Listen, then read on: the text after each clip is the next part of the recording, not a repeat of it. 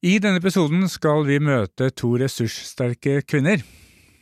Julia hun er en småbarnsmamma til en jente på snart seks år, og gift med slagpappa på 42, blir 43 i år. Han hadde et massivt hjerneslag på høyre side i 2021, og i dag så har han en rekke usynlige senskader som fatigue, tinnitus og svekket korttidshukommelse. Hvordan har det påvirket familielivet deres, og hvilke valg har de måttet ta? Slagpappa.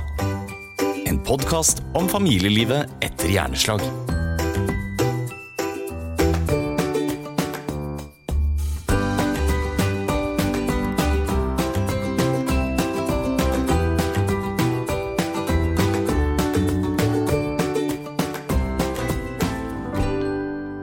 Da er vi kommet til eh, tredje episode av Slagpappa. Og i de to første episodene så ble dere først bedre kjent med meg, eh, som heter Martin, og, og jeg fortalte min slaghistorie. Og i episode to så hadde vi eh, Gørge Vlakås på besøk, overlege ved OUS Aker, og han hadde tidligere vinter disputert med en doktorgrad om usynlige senskader. Takk for alle hyggelige tilbakemeldinger. Det setter vi pris på. Og når jeg sier vi, så er vi et større team bak denne podkasten. Det er ikke bare meg. Jeg har med meg mange dyktige fagpersoner og mange gode frivillige fra LO Jernslag og afasi, og en veldig dyktig produsent. Så har det også kommet noen innspill på forrige episode med noen spørsmål om det er sånn at kan man bli fri for disse usynlige senskadene eh, etter noen år. Og Da vil jeg bare ønske å komme med en presisering at det kan vi ikke svare så bastant på. Eh, så hvis det ble gitt et inntrykk av at dette blir man fri for, så beklager jeg det, for det, det vil i så fall være feil. Og da er vi kommet til eh, første gjest i tredje episode, Julia Hoffmann Wollertsen. Hei, Julia. Hei, Martin. Tusen takk at jeg får lov å være med på din fantastiske podkast. Jo, takk. Du er med på videolenke fra Bergen, eh, og jeg har invitert deg hit fordi du er jo en pårørende eh, til mannen din. Dere er begge i 40-årene, eh, og dere har en jente på snart seks, som jeg sa. Eh, kan du bare først si litt Da mannen din fikk slag, eh, hva skjedde? Ja. Vi skulle jo egentlig nytte påskeferie med å reise på campingtur. Og under på en måte pakking, når vannslange var i campingbilen, uh, datt mannen min om i stuen og trengte helsehjelp. Um, så prøvde jeg jo å finne ut hva som hadde skjedd, og mm. om vi kunne reise til tur, eller om vi skulle uh, ringe til 113. Og så husket jeg at ei venninne hadde postet uh, denne smil-løftepratet. Mm. Og på smil og løfte den venstre armen uh, feilet mannen min. Men han pratet ja som en bok, og diskuterte til og med uh, om han skulle få, først legge seg ned på, eller om vi skulle ringe uh, sånn 113. Mm. Og han snøvlet sånn. Og etter hvert var jeg egentlig nesten sikkert at han hadde slag, og ringte 113. Og jeg er glad for at jeg gjorde det ganske kjapt, siden det var veldig skummelt. Uh, hvor kjapt uh, den venstre siden egentlig tapte seg, at han ikke kunne gå. Så han ble båret uh, ned på en båre fra to flinke sykepleier, eller i ambulansebil. Og jeg måtte jo koordinere litt at hundene skulle ikke stikke av, så de måtte være ute av veien. Jentungen skulle ikke være ute, at hun kunne bli påkjørt av ambulansen, ikke sant. Um, og så var det jo korona, så vi fikk ikke lov å kjøre med i ambulansen. Og jeg var litt sånn bekymret. Hva skjer? Trenger han på en måte litt sånn uh, utstyr for å være i sykehuset, ikke sant. Og omtrent ett og en halv time etter at han ble hentet, ringte hans telefon, og da snakket han uten å snøvle og sa ja, han ble nå hasteoperert, og alt ble bra igjen. Og uh, til tross at det var korona, fikk vi jo Jeg og datteren fikk besøke han. Med munnbind, uh, selvfølgelig, og sånn. Men ingen andre uh, fikk lov å besøke. Og vi har jo i ettertid litt uh, refundert uh, hvordan slag kunne ha oppstått. ikke sant? Og de siste tre månedene før slag var han jo òg allerede sliten, var svimmel, datt om uh, nesten når han luftet hund og, og sånn. Mm. Men han fikk jo helseutredning fra fastlegen og ble meldt frisk som en fisk, bare på en måte sliten, ikke sant. Så vi følte jo nesten denne slaghendelse som en reset-button. Og det ble eh, fem dager uh, all inclusive på Haukeland istedenfor uh, ja, campingtur. ja, ja. Men du sier litt sliten, var det det du fikk beskjed om? Ja. ja. Eh, altså, han sov jo nesten ikke og hadde en puls på 200, um, ja, så det var tydeligvis at noe ikke stemte, ikke sant? Nei, nei så jeg bare tenker at det med litt sliten, det er vi jo kjent med at det eh, kan noen ganger gis sånne beskjeder eh, ved akuttsykehus at du kan bli litt sliten, og så viser det seg etter hvert at det er fatigue, for mannen din har fatigue. Mm. Ja. Det er jo ganske mye mer enn litt sliten. Eh, hvordan er det for han i dag? Altså, han klarer jo å jobbe 100 han begynte ja. jo med 50% etter fire måneder, så han ventet nesten bare at han fikk lastebillappen tilbake, og så var han på jobb, i alle fall 50 mm. Og så gikk han ganske fort over til 100 mm. Men han kompenserer jo litt med feriedager innimellom, og har en kulant arbeidsgiver som sier OK, øh, du har kanskje en vaktuke, har tatt litt overtid og sånt, da får du en uke fri når du trenger det. Ja. Og vi må jo hele tiden um, passe på energimanagement. Så hvis han tar én overtidsjobb for mye, kan det hende at uh, han får litt sånn slagsymptomer tilbake og følger litt sånn influensa, selv om han har ikke feber, men hele kroppen virker selv om han um, sånn som uh, han har influensa, ikke sant? Ja, ja. Så uh, det straffer seg ofte hvis man tar for mye. Da er han kanskje sengeliggende to uker eller må faktisk sykemelde seg. Mm. Men hvis han bare tar en vanlig hverdag, kan han egentlig stå på sånn som før. Bare at han er kanskje litt mer sliten etter jobb og må hvile litt, og da kommer vår omsorgsfulle datter og sier 'Å, pappa, du er sliten, gå og legg deg.' Og så bretter hun uh, dyne over han og mm. henter popkorn og noe å drikke, at han skal kose seg, og hente mm. iPaden, at han kunne se en film, ikke sant. Mm. Og da eh, trekker vi oss jo litt tilbake og prøver å lage ikke for mye lyder, at han faktisk får denne hvile han trenger. Ja. At vi ikke ender sånn i to ukers sykemelding, ikke sant? Nei, nei, nei. Han har jo en del usynlige senskader som at han Hvis jeg bortsett fra fatiggen, som han tydeligvis klarer å regulere, da, og det er jo bra, men det er jo en del andre ting som altså Tintus hadde han før slag, og har det fortsatt. Ja, ja, og litt høyere. Så ja. hele det mestringsfølelsen han hadde før slag, og kunne mindre det, bortfalt jo øh, øyeblikkelig når han lå i sykehuset. Mm, mm. Ja.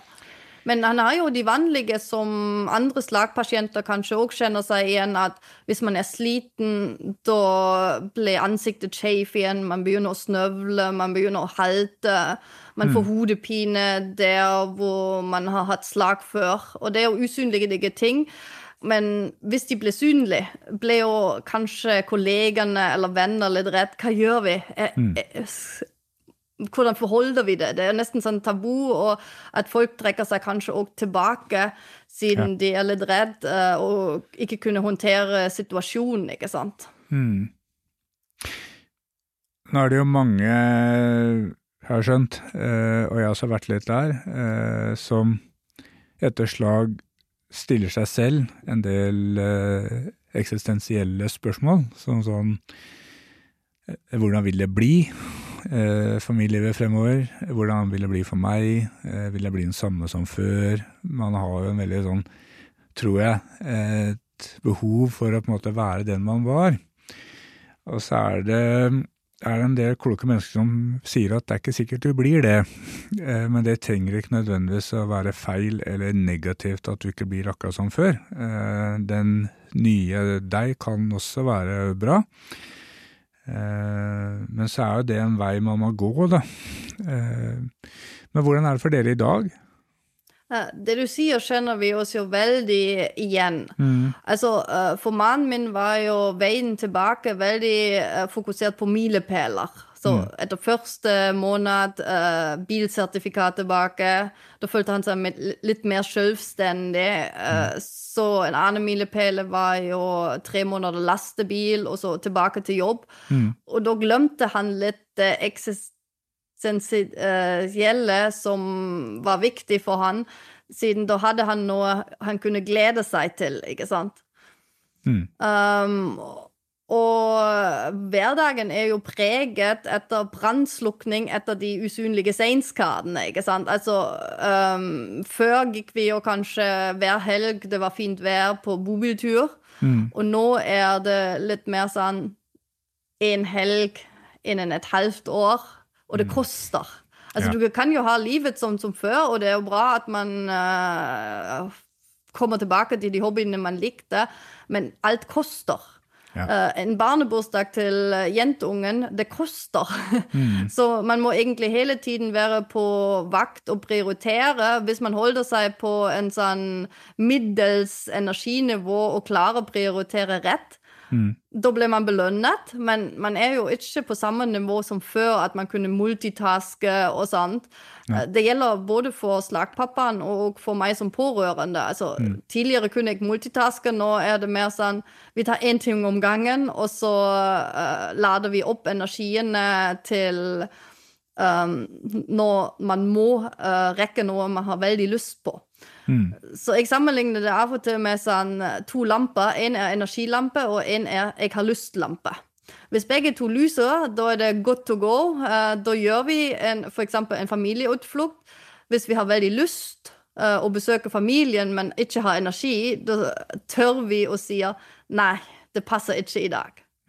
Og en annen ting er jo òg at uh, vi klarer ikke å forholde oss så lenge til klokkeslett. Altså vår tid går litt saktere enn kanskje hos andre småbarnsfamilier, siden vi rekker ikke alt. Nei. Eh, Hvis vi prioriterer jentungen og hundene, har vi kanskje ikke så eh, energi å vaske bilen i helgen, ikke sant? Selv om man skulle gjort det, ikke sant? Mm. Men der så tror jeg du er inne på noe som er litt viktig. Altså, er noe man må gjøre, eller vil gjøre, eller bør gjøre? Eh, og så Altså hvis man tenker litt over det, er det så viktig å vaske bilen på lørdag? Kan det vente til onsdag? Ja, det er veldig vanskelig å få Ja. denne aksept at du ikke rekker alt du har lyst på. At du er hele tiden avhengig for energien, siden konsekvensene er jo så stort hvis du bommer. Ja. Altså To uker sengeliggende, det har jo ingen lyst på. ikke sant? Og hvis det skjer akkurat når det skulle være en gøy fest uh, som man hadde markert i kalenderen, er det jo ekstra sårt. ikke sant? ja, absolutt. Så vi kan jo ikke planlegge. Så for eksempel, jeg hadde jo tenkt i dag å forberede meg med, til podkasten, lese notatene jeg hadde gjort og sånt. Så kom mm. slagpappa. Vi går og lufter hundene! Du rekker møtet! ikke sant? Ja. Eh, det stemte, ja. Jo, jo. Men uh, man hopper jo egentlig fra A til B, um, og kan ikke planlegge sjøl lenger, siden uh, slaghjerne er slaghjerne. Så den gjør det eh, den vil, når den vil. Ja. Og jeg så jo ganske tidlig til mannen min etter at han kom tilbake fra sykehus. eh, vi tar det som reset eh, og gi oss sjanse å bli kjent med den nye versjonen din. Den er helt greit, og du kommer helt sikkert til å slite lenge med denne ikke aksept for det, eller kanskje få ikke denne psykologiske eh, hjelp som man kanskje hadde lyst for å få arbeidet det. Men jeg så òg det kommer til å gå bra eh, i lengden. Og jeg gleder meg til å bli kjent med han på nytt. Mm. Og man har jo mye å glede seg hvis man er åpen for å akseptere de usynlige eh, skadene og tilpasse seg litt til slaghjernen. Jeg trenger jo ikke øh, å rydde i boden nå. Jeg kan vente til på en måte mannen min har lyst til å gjøre det. Og jeg har også aksept hvis uh, plutselig energien uh, stopper etter halvveis, at da er kanskje boden halvryddet i to uker. Mm. Mm. Det er mulig, men uh, ja. øh, livet går videre selv om. Det gjør det. eh, jeg kan bare legge til at eh, i vår første tid etter at jeg hadde slag, så, eh, så var noe av det første jeg brukte, det ene var sosial støy, som jeg har vært inne på, og det andre var eh, at jeg begynte å kalle meg selv for Bjørnar hvis jeg var for mye slagerne. Eh, så det var sånn kodeord vi brukte. Særlig hvis vi var sammen med andre, så bare sa jeg til kona mi at eh, nå er det Bjørnar som sitter her, og da bare skjønte hun at ok, nå må du hvile deg. Og etter en stund så ble jeg litt bedre, så da skiftet jeg navn til Vidar. Han var litt mindre sliten enn Bjørnar. Eh, men sånne kodeord kan av og til måtte gjøre det litt lettere, istedenfor å ta hele, måtte, hele historien. Da. Men om du kunne si litt om hvordan er det dette har påvirket eh, datteren deres? Ja, vi prøvde jo at datteren vår hadde sin uh, vanlige liv, så hun gikk jo i barnehagen, hun gikk til uh, sine idrettsgreier som vi meldte hun på. Men hun ser jo på en måte forskjell mellom andre familier, at uh, slagpappaen kan ikke hente like ofte i barnehagen. Um, Eller at det er ofte mamma som gjør ting, eh, siden slagpappa er sliten. Og at hun må jo kan, uh, kanskje ta mye hensyn eh, hjemme og være litt stille, eller tilpasse seg òg litt mer enn andre, ikke sant. Så jeg merker jo, eh, for hun er jo påske veldig viktig, så hun tør jo nesten ikke å kjøre til campingtur i påske, siden hun er redd det kunne skje igjen. Og påskeegg er jo hennes symbol, for det er så viktig for hun å lette etter gjemte påskeegg.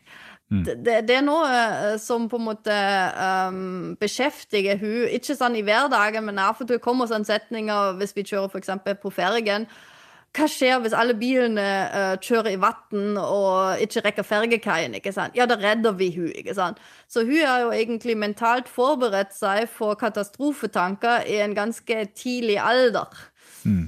Men når jeg spør barnehagen og sånn, de ser ikke nødvendigvis noen forskjell med før og etter.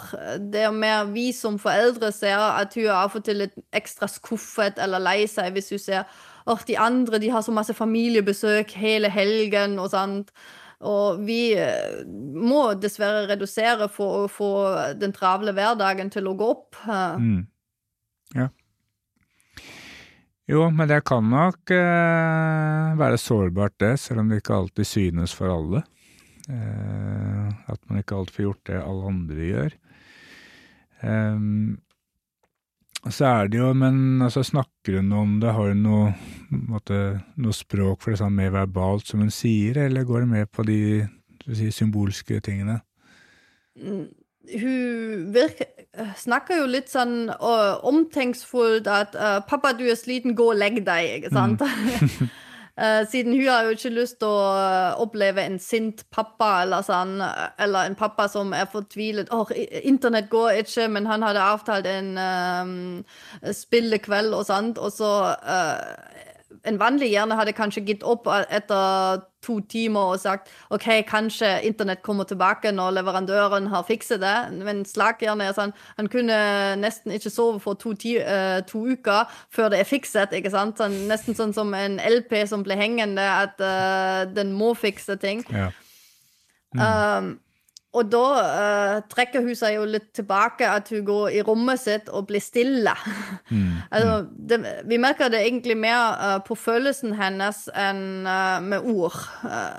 Så hun snakker ikke så ofte om slag til oss, i alle fall. Nei. Nei.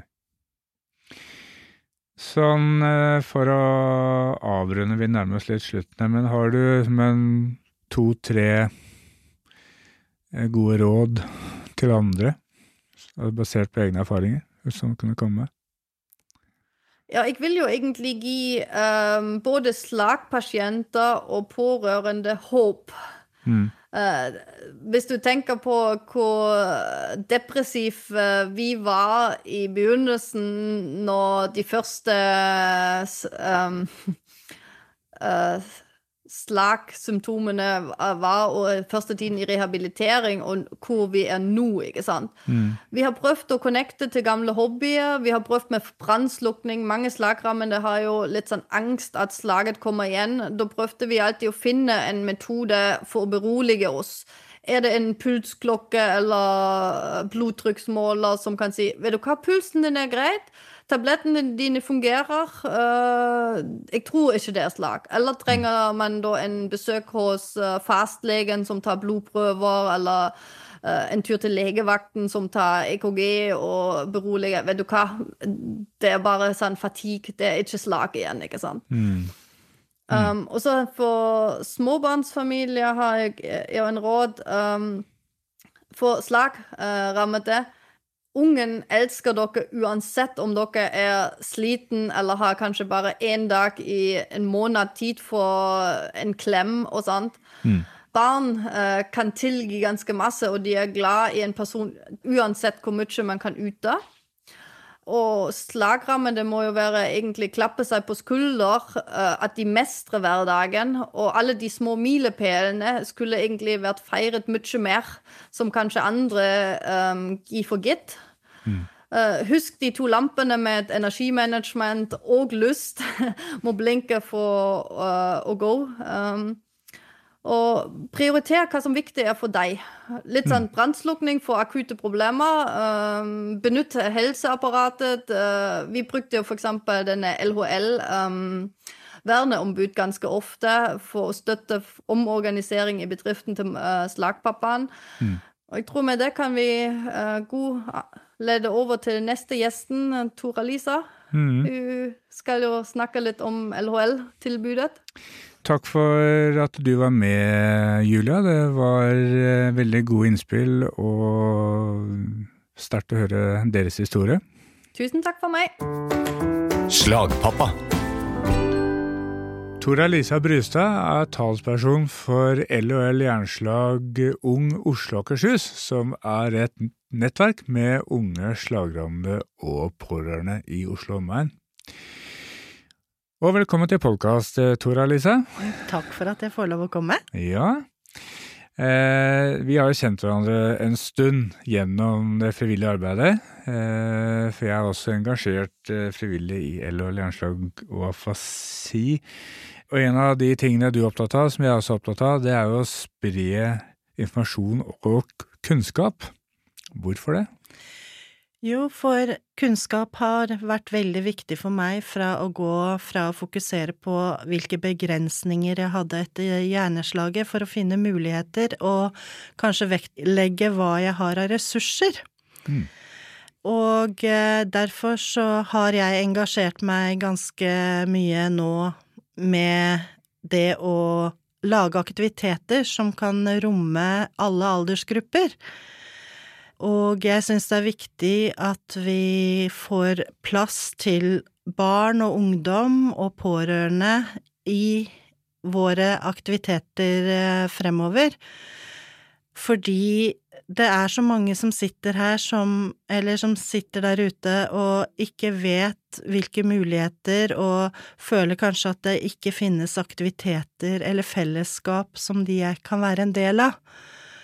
Og for meg begynte det jo med at jeg eh, begynte på bassengtrening eh, når jeg eh, ville bli mer aktiv, og da begynte jeg på bassengtrening i terapibad med LHL hvor jeg bare klarte ti minutter den gangen, men fordi det er så lavterskeltilbud, så har jeg gradvis kunnet opparbeide meg enda mer eh, kompetanse og enda mer styrke til å delta, og i dag er jeg instruktør for egen bassenggruppe. Jeg føler at det er viktig at man må ta de rette stegene og, og følge hva er det som inspirerer, hva er det som gir meg energi, mm. og finne de aktivitetene som kanskje kan få deg utafor den derre døra, da, som ofte er så vanskelig å komme gjennom. Så i dag så er du svømmeinstruktør. Det er kjempebra. Ja, men Ja. jeg har på en måte gått litt tilbake til, eh, til barndommen, holdt jeg på å si, fordi jeg begynte faktisk som eh, assisterende svømmeinstruktør når jeg var tolv år. Å ja. ja. Eh, Sånn at eh, når jeg skulle på en måte finne ut av hvordan jeg skulle bruke mine ressurser og min energi, når jeg kom til det vendepunktet, så var det hva er det jeg syns er gøy å gjøre, hva er det som inspirerer meg, og det Ja. var å være i basseng. Ja. Og samtidig så er bassengen et veldig godt sted for mange å begynne, fordi at uh, i vannet så er det ikke så mange begrensninger, og kan, jeg kan gjøre mye mer i vannet, og det er mye mer fleksibelt i vannet enn på land for meg, så Mm. vann var muligheten min. Jeg er ikke Mm. så god til å gå lenger som jeg var, jeg har ikke den samme balansen, men i vannet kan jeg trene ordentlig. ja. Så på en måte i vannet har du balansen, men Ja. ikke på land. Ikke på ja, land. Ikke sant. Mm. Og du sier jo at eh, få opp aktivitetene. Eh, hvilke aktiviteter er det som finnes nå i Oslo omegn, og er det noen planer i- videre? Disse dager så har vi kajakkurs for eh, slagrammede og på, pårørende. Eh, Ungnettverket som arrangerer. Eh, det er slagkafeer både i Ski og i Oslo og på Skedsmokorset. Har vi ulike temaer. Og eh, bassengtrening da en gang i uka. Men eh, jeg har også planer om eh, et seminar om hverdagsmestring.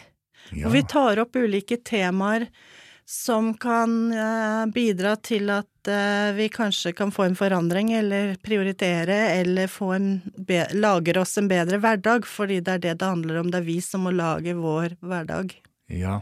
Jeg tror det er viktig at eh, barn, eller pårørende som er barn og ungdom, har en arena hvor de kanskje kjenner seg igjen. Det er ikke nødvendig at de trenger å snakke sammen, men at de har noen andre som kjenner litt til at uh, mamma og pappa er annerledes, Mm. eller vi kan ikke gjøre som alle andre. Eh, så jeg tror en av de viktigste oppgavene for oss i Ungnettverket fremover i Oslo og Akershus er jo kanskje lage aktivitetsdag og ha en pårørendedag for, å, for at andre skal finne eh, likesinnede, eller at de skal få inspirasjon, eller også se at eh, det er mange som har den samme utfordringene, eller de samme begrensningene, kanskje. Mm. For man sier jo at når hjerneslag rammer en familie, så rammer det hele familien, og det er sant, men jeg vil jo da også presisere at det er nok mest innenfor husets fire vegger at hjerneslaget virkelig er synlig, også med de usynlige senskadene. Det er da det kommer mer frem, fordi utenfor husets fire vegger så klarer man til en viss grad å skjerpe seg litt og liksom, bruke litt de strategiene og teknikkene man har, og så kollapser man når man kommer hjem. Og da blir det mer synlig hjemme for mange. Jeg har lyst til å dele den gaven jeg fikk med hjerneslaget mitt, fordi det, jeg tror det er kanskje litt viktig å forstå. Jeg hadde hjerneslag i lillehjernen, og det er der hvor vi har alle disse forestillingene våre om hvordan vi er og hvordan vi skal være, og, og følelsesmessig. Og min barndom så begrensa jeg meg selv, jeg hadde et filter på som gjorde at jeg følte at jeg ikke dugde. Og med hjerneslaget mitt så forsvant det jo. Og det jeg har lært, og det jeg reflekterer over nå som voksen, hvor jeg ikke har det filteret, så forstår jeg jo hvordan barn påvirkes av det rundt seg, og de verdiene, og hvordan man klarer å leve med den situasjonen man er. Og derfor så tror jeg det er så viktig for oss å skape disse arenaene for barn. Det var en fin avrunding, Tore og Lise. Og jeg tenker at da har vi kommet eh, til veis ende i denne episoden. Podkasten er produsert av Megahertz Studio i Oslo og laget i samarbeid med LHL Jernslag og Afasi. Prosjektet er støttet av stiftelsen DAM. Mitt navn er Martin Aasen Brikt.